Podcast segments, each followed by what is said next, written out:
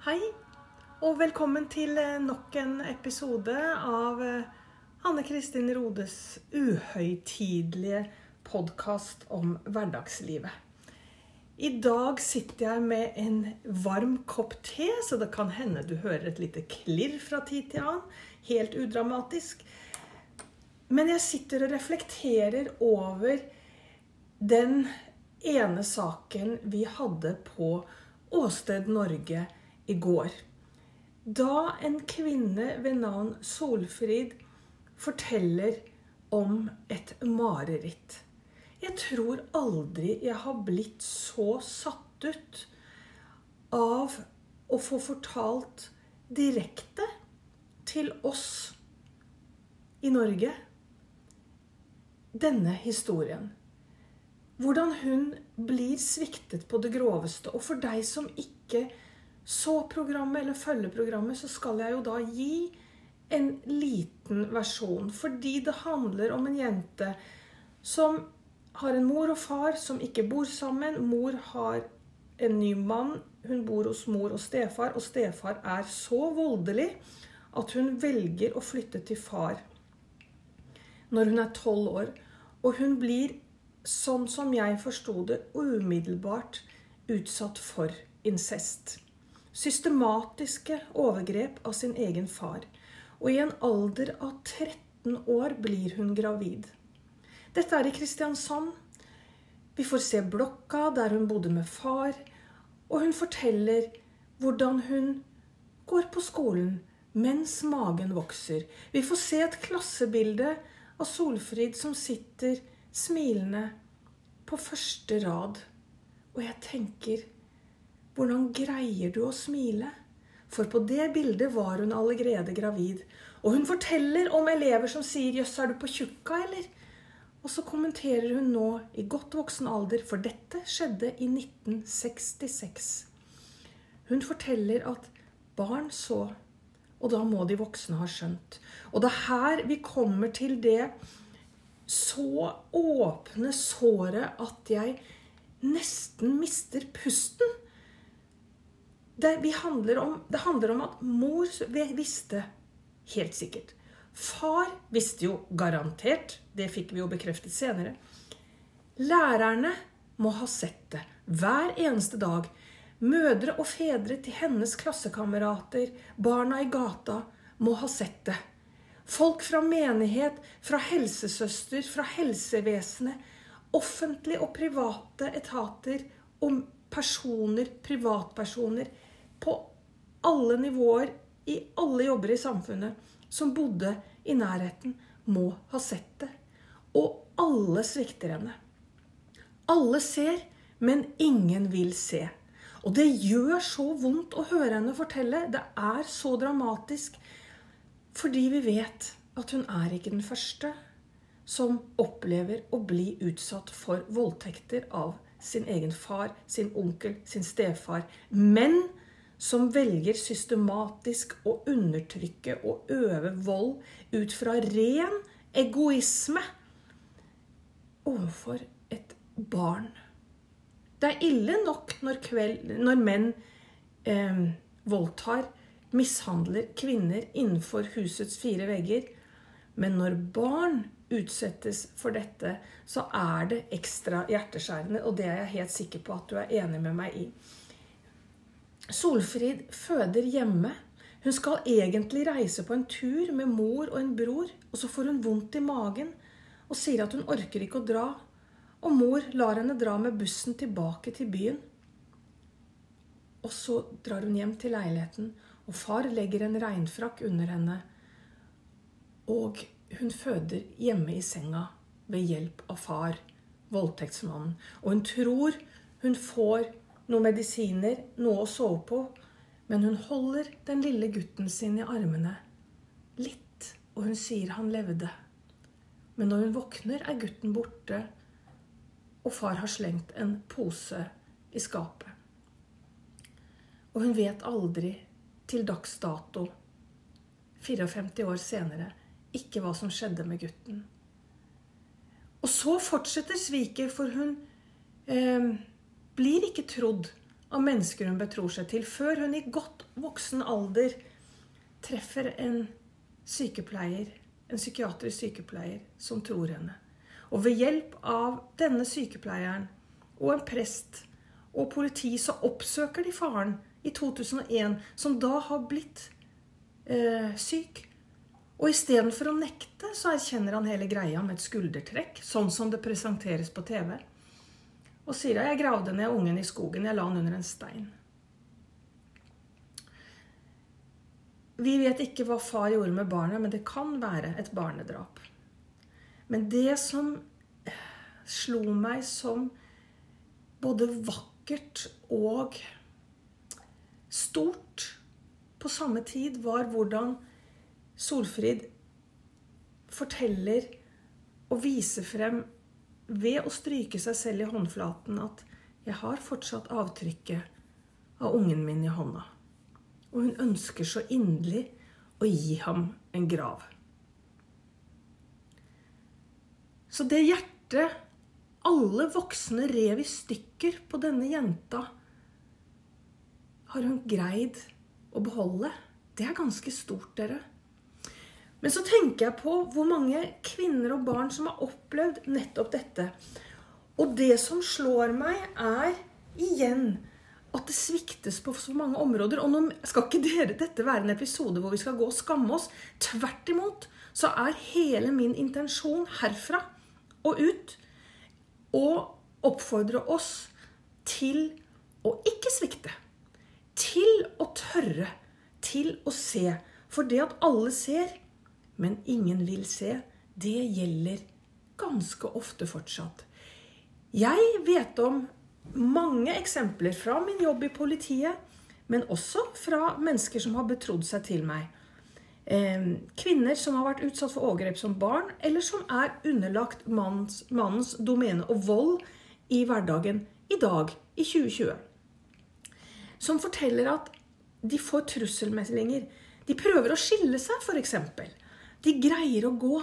Kvinnen greier å ta og reise seg og ta med barna sine og flytte på noen få kvadratmeter. Kanskje fra et stort hus, kanskje fra en alminnelig leilighet. Men hun flytter til noe enda mindre og greier å skape et bitte lite hjem. Og så kommer meldingene. Så kommer hatmeldingene, trusselmeldingene. 'Du har stjålet barnet mitt. Eh, takket være deg så får de aldri se faren sin igjen.' For jeg skal i hvert fall ikke se ungen min når du gjør det du gjør. Men projiserer ut fra rein egoisme sin skyld over på kvinnen. Hvordan skal vi greie å stå i det? Jeg tror ganske mange kvinner greier det. Hvis det ikke hadde vært for noe som jeg har sett altfor ofte, at når en kvinne viser frem disse meldingene til venninnene sine eller til søstrene sine, så tar kvinnene mannens parti. Har du opplevd det? Har du opplevd noe lignende? At de sier 'Nei, men stakkar, det er jo så synd på han. Nå sitter han jo der og har mistet all kontakten, og det må jo være vondt for han å være alene'. Det spiller liksom ikke noen rolle at han har banka opp kona og skremt vettet av ungene og voldtatt kanskje noen av ungene. Nå spisser jeg det veldig. Men altfor ofte så tar vi mannens parti, for det er jo så synd på han. Hvordan skal kvinner som lever i et voldshelvete, komme seg unna når ikke engang medsøstrene greier å stå i egen styrke og støtte dem. Det handler ikke om at saken ikke har, kan ha to sider. Det handler ikke om domfellelse. Det handler ikke engang om skyld. Akkurat det jeg sier nå. Selvfølgelig handler det om det også i ytterste konsekvens. Men akkurat nå handler det om å se.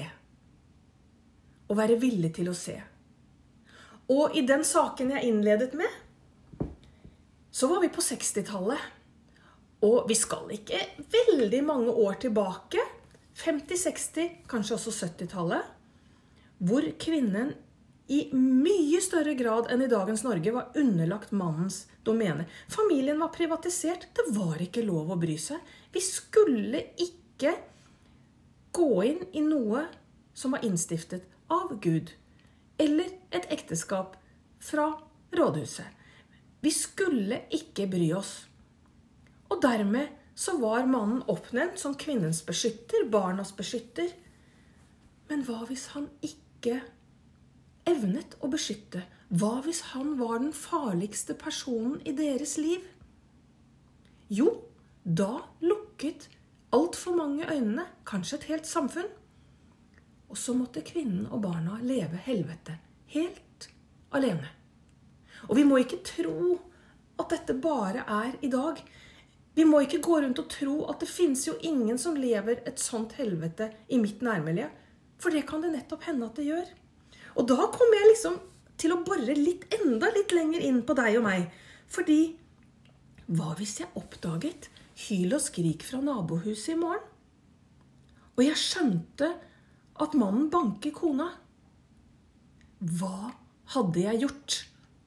Og jeg vet at det er veldig lett å tenke ja, det er sikkert ikke så alvorlig, eller kanskje jeg tok feil.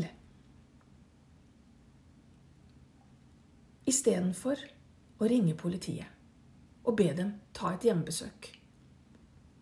Og så kan det hende at mannen sier at alt er ok, og kona også sier 'vi bare lekte'. Det er bare fleip. Og da er det ikke sikkert politiet får gjort noe mer. Men jeg som nabokjerring, og du som nabomann, kan redde et annet menneske. Vi må ikke være gode naboer, kompiser, venninner hvis vi tror det skjer noe. Det handler om å bry seg. Fordi det ubehaget jeg eventuelt får fra naboen fordi jeg enten i beste fall misforsto, eller fordi jeg går inn og tar et samfunnsansvar. Det ubehaget må jeg greie å stå i, tenker jeg. Hvis det handler om å redde et annet menneske. Men vi er så faretruende oss selv nok når det handler om å gjøre noe sånt som kan føles så fryktelig ubehagelig. Det er så lett å være egoistisk og tenke at 'jeg ønsker ikke bråk', så får heller et annet menneske gå til grunne. Det er bare det at vi tenker ikke den siste delen av setningen. Vi tenker bare på oss selv. Det viktigste vi gjør, er å støtte andre. Det viktigste vi gjør, er å være et medmenneske.